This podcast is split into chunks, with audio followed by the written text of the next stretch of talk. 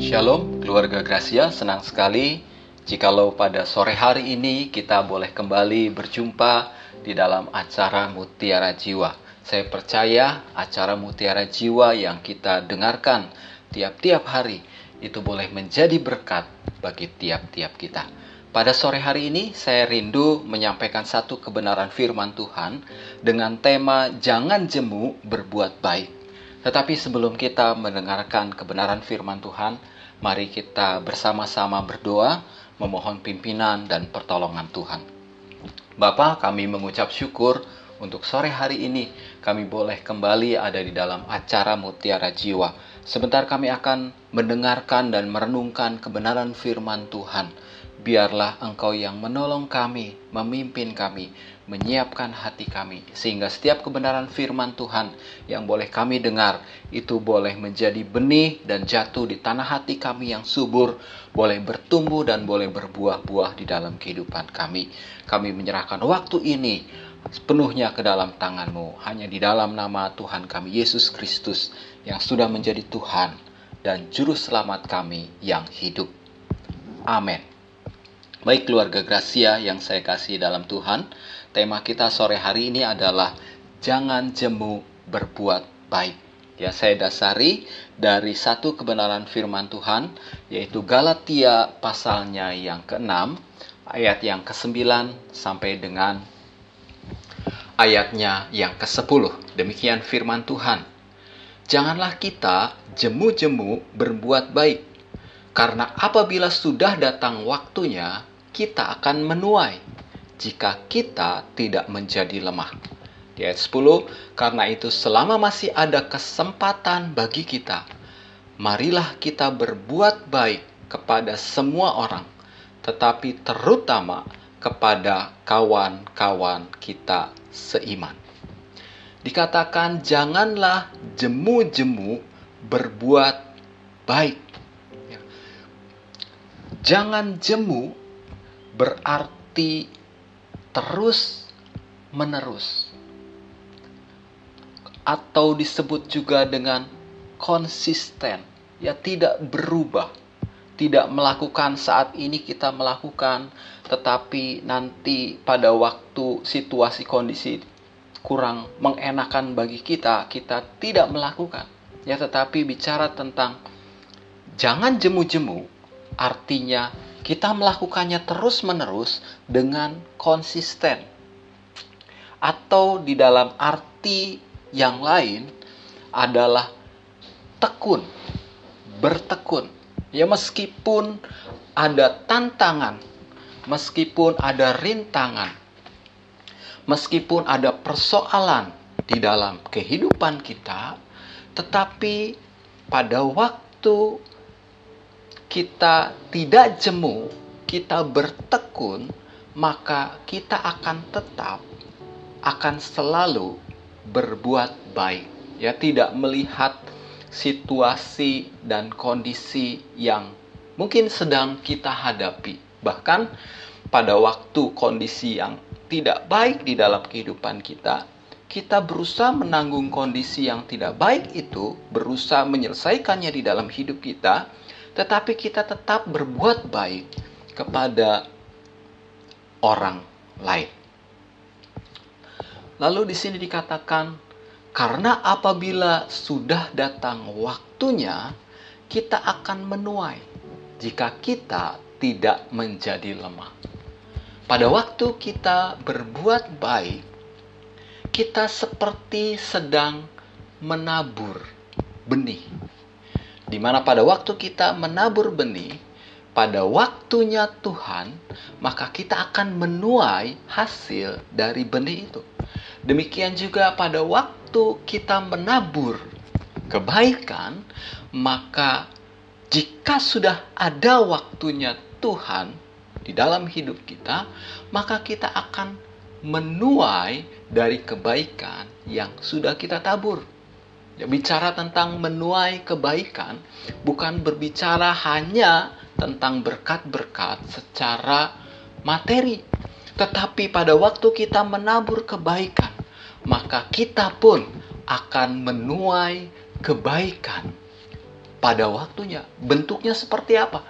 Bentuknya bermacam-macam yang dapat Tuhan berikan di dalam kehidupan kita. Apakah itu bentuknya materi? Tidak sebatas itu saja. Apakah itu berbentuk kebaikan lain yang akan kita terima? Bisa saja terjadi. Ya, pemeliharaan Tuhan di dalam hidup kita bisa saja terjadi.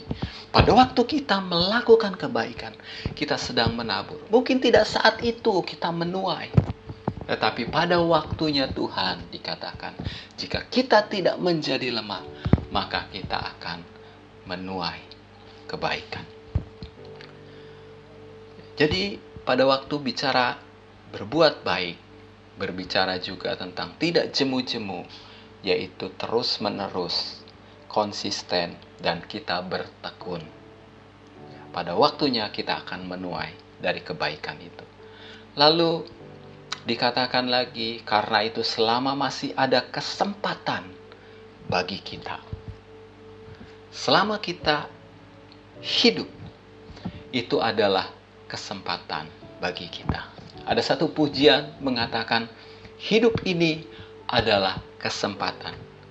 Hidup ini untuk melayani Tuhan. Ya, selama kita hidup, maka kita masih diberi kesempatan untuk apa? Untuk berbuat baik. Kepada siapa? Di sini dikatakan, marilah kita berbuat baik kepada semua orang. Kita tidak pilih-pilih pada waktu kita akan berbuat baik kita tidak memandang siap pada siapa kita akan berbuat baik. Ya kalau kita lihat, wah dia kayaknya kalau saya berbuat baik nih, saya menguntungkan nih. Kalau saya berbuat baik kepada dia. Wah tapi kalau saya lihat yang lain, ah kayaknya kalau berbuat baik ke si itu, oh saya kayaknya nggak akan ada hal yang lain yang saya terima. Ya tidak seperti itu. Tetapi firman Tuhan katakan berbuat baik kepada semua orang tanpa memandang muka, tanpa memandang status, tanpa memandang jabatan, bahkan tanpa memandang keadaan materi. Ya, kita berbuat baik kepada semua orang, bahkan kepada orang-orang yang paling lemah sekalipun. Justru kita harus berbuat baik kepada mereka. Tetapi dilanjutkan di ayat ini juga dikatakan terutama kepada kawan-kawan kita seiman. Ya bicara tentang satu lingkup yang lebih kecil. Kalau saya mau mau mau ambil lingkup yang lebih kecil, kita tinggal di dalam keluarga. Berbuat baik kepada lingkup terkecil, orang-orang yang dekat dengan kita, keluarga kita. Mungkin orang tua kita butuh kebaikan kita kita tidak boleh abaikan. Mungkin kakak kita atau adik kita membutuhkan kebaikan kita. Kita tidak boleh abaikan. Yang yang memprihatinkan saat ini, ya saya sering melihat dalam satu keluarga ya ada yang membutuhkan kebaikan. Ya, tetapi tidak peduli satu sama lain. Ini yang menjadi masalah ini yang tidak boleh terjadi di dalam keluarga Tuhan. Bahkan mencari bukan kepada pertolongan, bukan kepada keluarganya, tetapi mencari keluar, ya di luar kepada orang lain, di luar keluarganya. Nah, sebagai keluarga Tuhan, ini tidak boleh terjadi. Dikatakan terutama kepada kawan-kawan kita seiman. Lalu keluarga Gracia yang saya kasih dalam Tuhan, kalau kita mau ambil agak lebih besar ya di dalam pelayanan kita, di dalam gereja kita, di dalam jemaat di mana kita bergabung.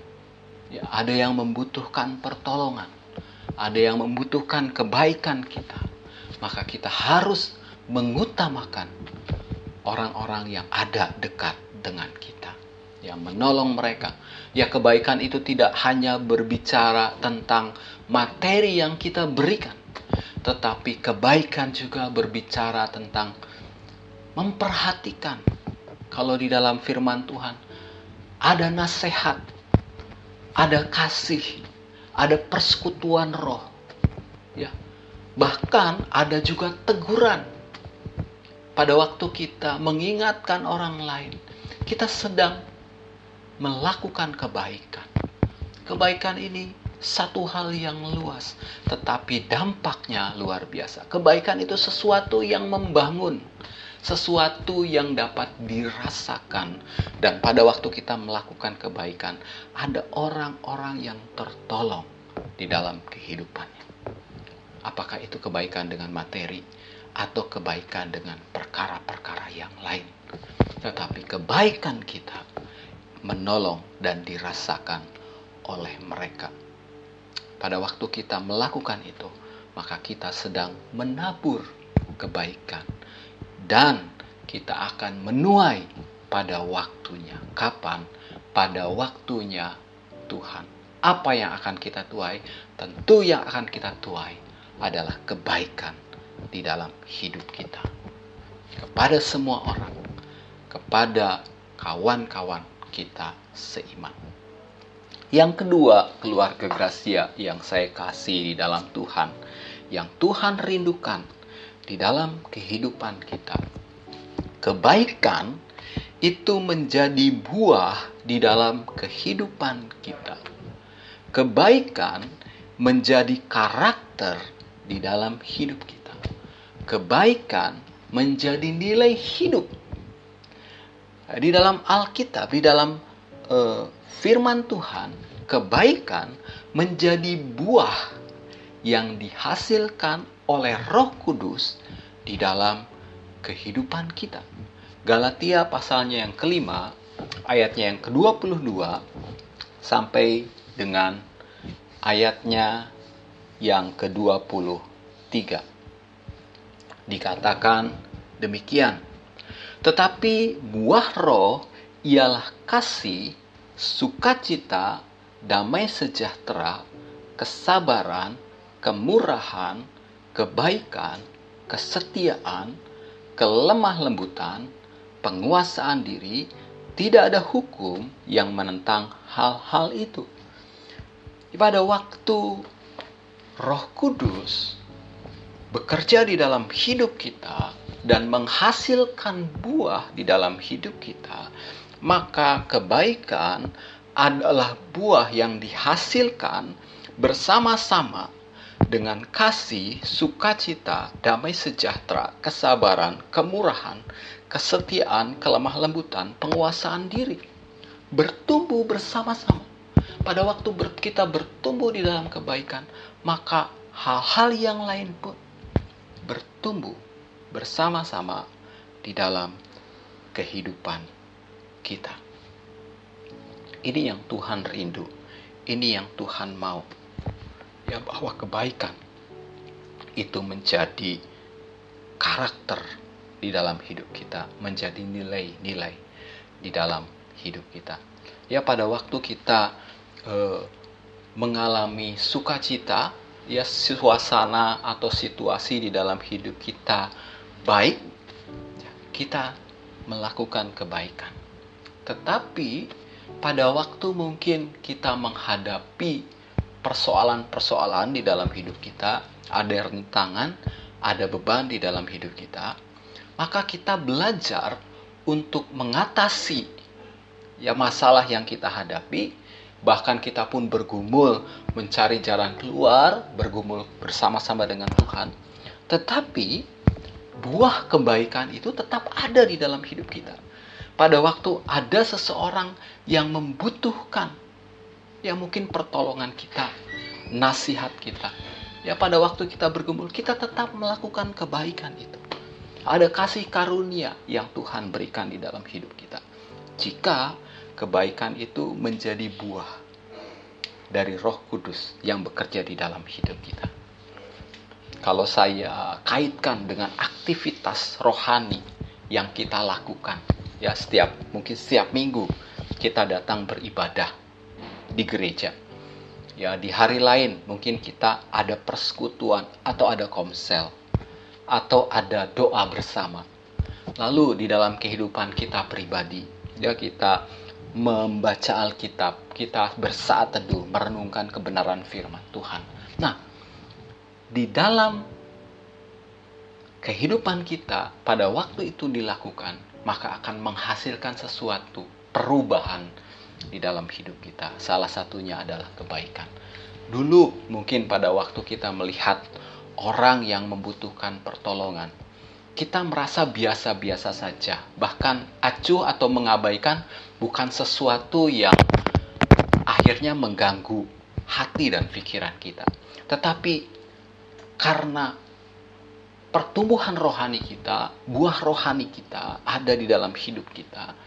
Ya, pada waktu kita melihat orang yang membutuhkan pertolongan di dalam hidup kita, maka akan timbul sesuatu yang baru mengganggu hati dan pikiran kita kalau kita tidak mengabai kalau kita mengabaikan akan tumbuh yang namanya belas kasihan di dalam hidup kita. Itulah buah rohani.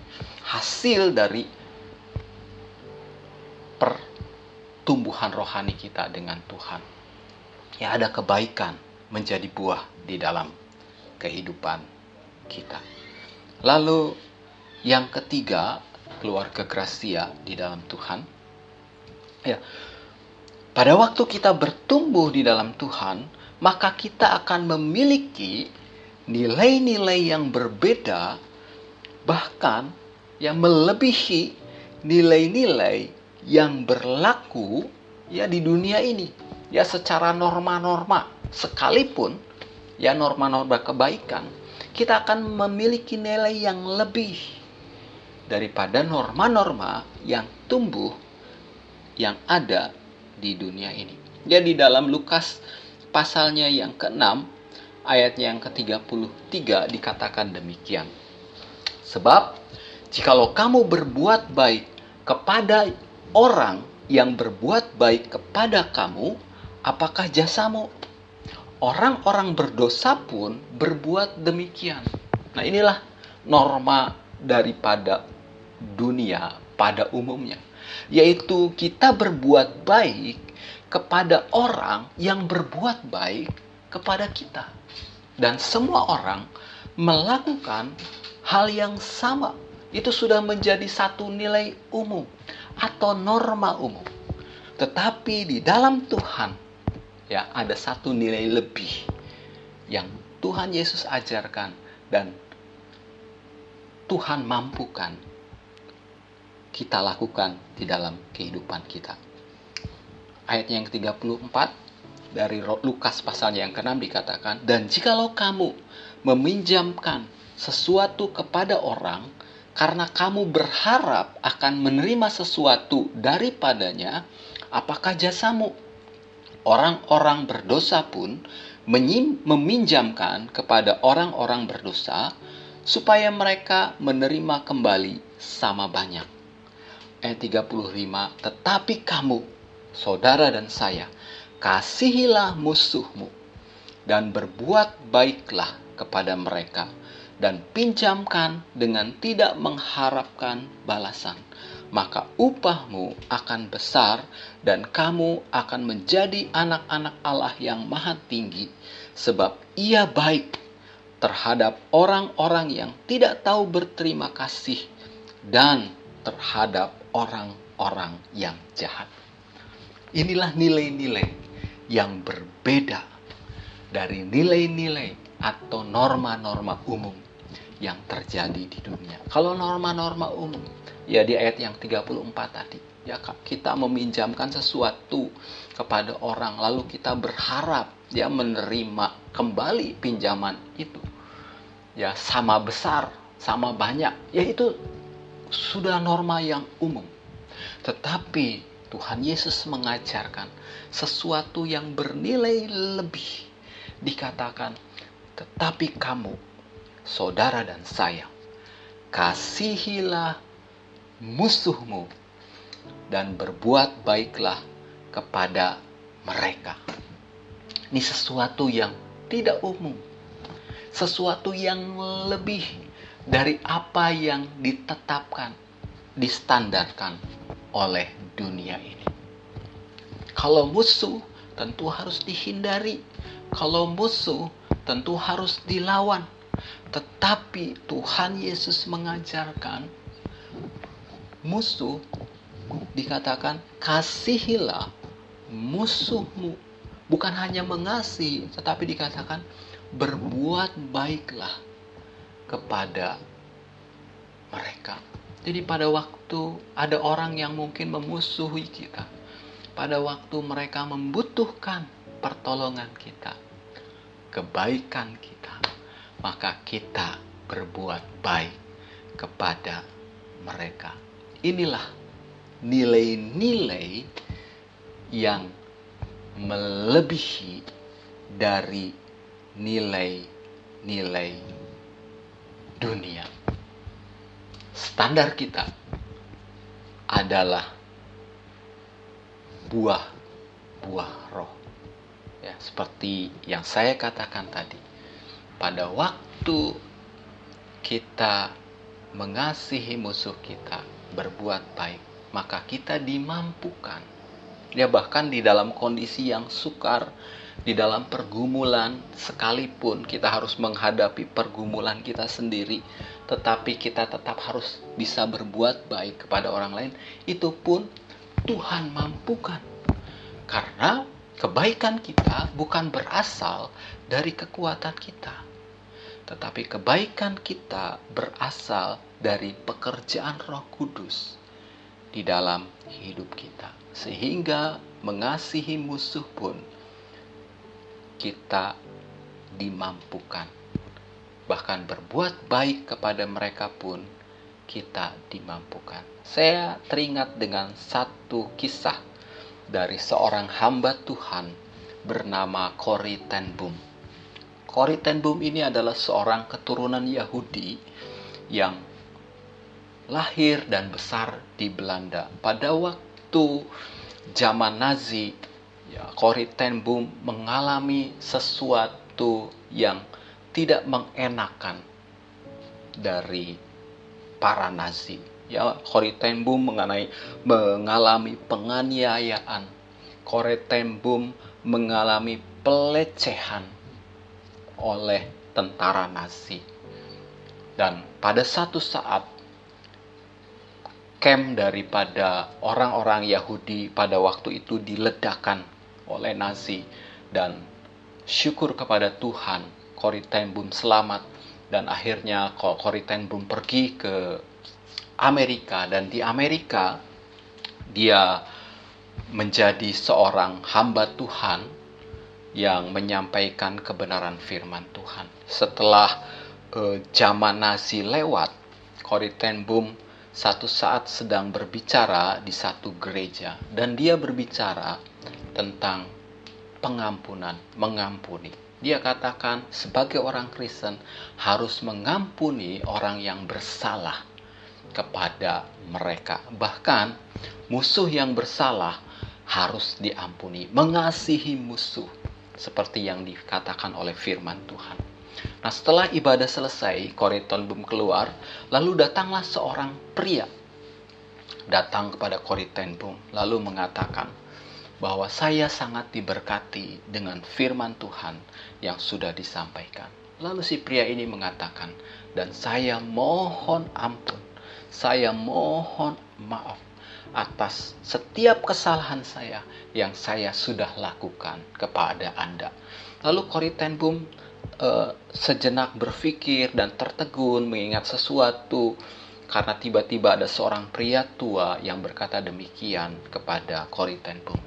Dan mulailah bayangan masa lalunya itu teringat kembali. Teringatlah Cory Ten Boom kepada pria yang saat itu berdiri di depannya. Dia teringat kepada tentara Nazi yang pada waktu itu menganiaya dia, melecehkan uh, dia yang adalah keturunan Yahudi. Lalu si pria tua ini mengatakan, "Iya, saya uh, adalah tentara Nazi pada waktu itu." Nah, pada waktu Koritenbum mendengar permintaan dan permohonan ampun dari si pria ini, dia terdiam sejenak. Dia tidak bisa langsung mengucapkan pengampunan, tetapi betapa hatinya kembali teringat akan masa lalu yang menjadi luka sebetulnya di dalam kehidupannya. Lalu dia mengambil waktu sejenak datang kepada Tuhan untuk beroleh kekuatan agar dapat mengampuni dan dia teringat akan pengorbanan Kristus di atas kayu salib. Betapa uh, luar biasa yang dikerjakan Kristus dan pada saat itu Roh Kudus bekerja di dalam hidup dia, mengalirkan kasihnya dan akhirnya dia mengatakan kepada pria tersebut, "Aku mengasihi Bapa dan aku mengampuni Bapa. Tetapi apa yang dikatakan dan dilakukan oleh Koriton Bum bukan berasal dari kekuatan dirinya sendiri, tetapi Roh Kudus yang bekerja di dalam kehidupannya. Demikian juga di dalam kehidupan kita. Ya kita dapat mengasihi musuh kita, berbuat baik kepada mereka bukan dengan kekuatan kita, tetapi dengan pertolongan Roh Kudus berbuat baik dengan tulus, bukan karena mengharapkan imbalan, tetapi kita berbuat baik kepada semua orang. Itu adalah karena panggilan hidup sebagai anak-anak Tuhan dan sebagai tanda bahwa kita mengucap syukur untuk apa yang sudah Tuhan kerjakan di dalam kehidupan kita. Karena itu, keluarga Gracia, mari kita tidak jemu-jemu berbuat baik kepada semua orang, terutama kepada kawan-kawan kita seiman. Amin. Baik keluarga Gracia, sebelum kita mengakhiri acara Mutiara Jiwa pada sore hari ini, kita akan bersama-sama bersatu hati di dalam doa mengucap syukur kepada Tuhan. Bapak, kami mengucap syukur pada sore hari ini kami boleh mendengarkan kebenaran firman-Mu. Biarlah kebenaran firman-Mu itu boleh menjadi kekuatan di dalam kehidupan kami. Kami boleh bertumbuh di dalam perbuatan baik. Kami boleh menabur perbuatan baik sebagai panggilan di dalam hidup kami, sebagai tanda pengucapan syukur, dan sebagai buah yang dihasilkan karena pengiringan kami akan Engkau. Saat ini kami berdoa buat seluruh keluarga Gracia di mana pun kiranya berkat kasih karunia dari Tuhan menyertai tiap-tiap kami saat ini. Kesehatan, kekuatan, penghiburan itu menyertai kami. Terima kasih Bapa, hanya di dalam nama Tuhan kami Yesus Kristus kami mengucap syukur, kami berdoa. Haleluya. Amin.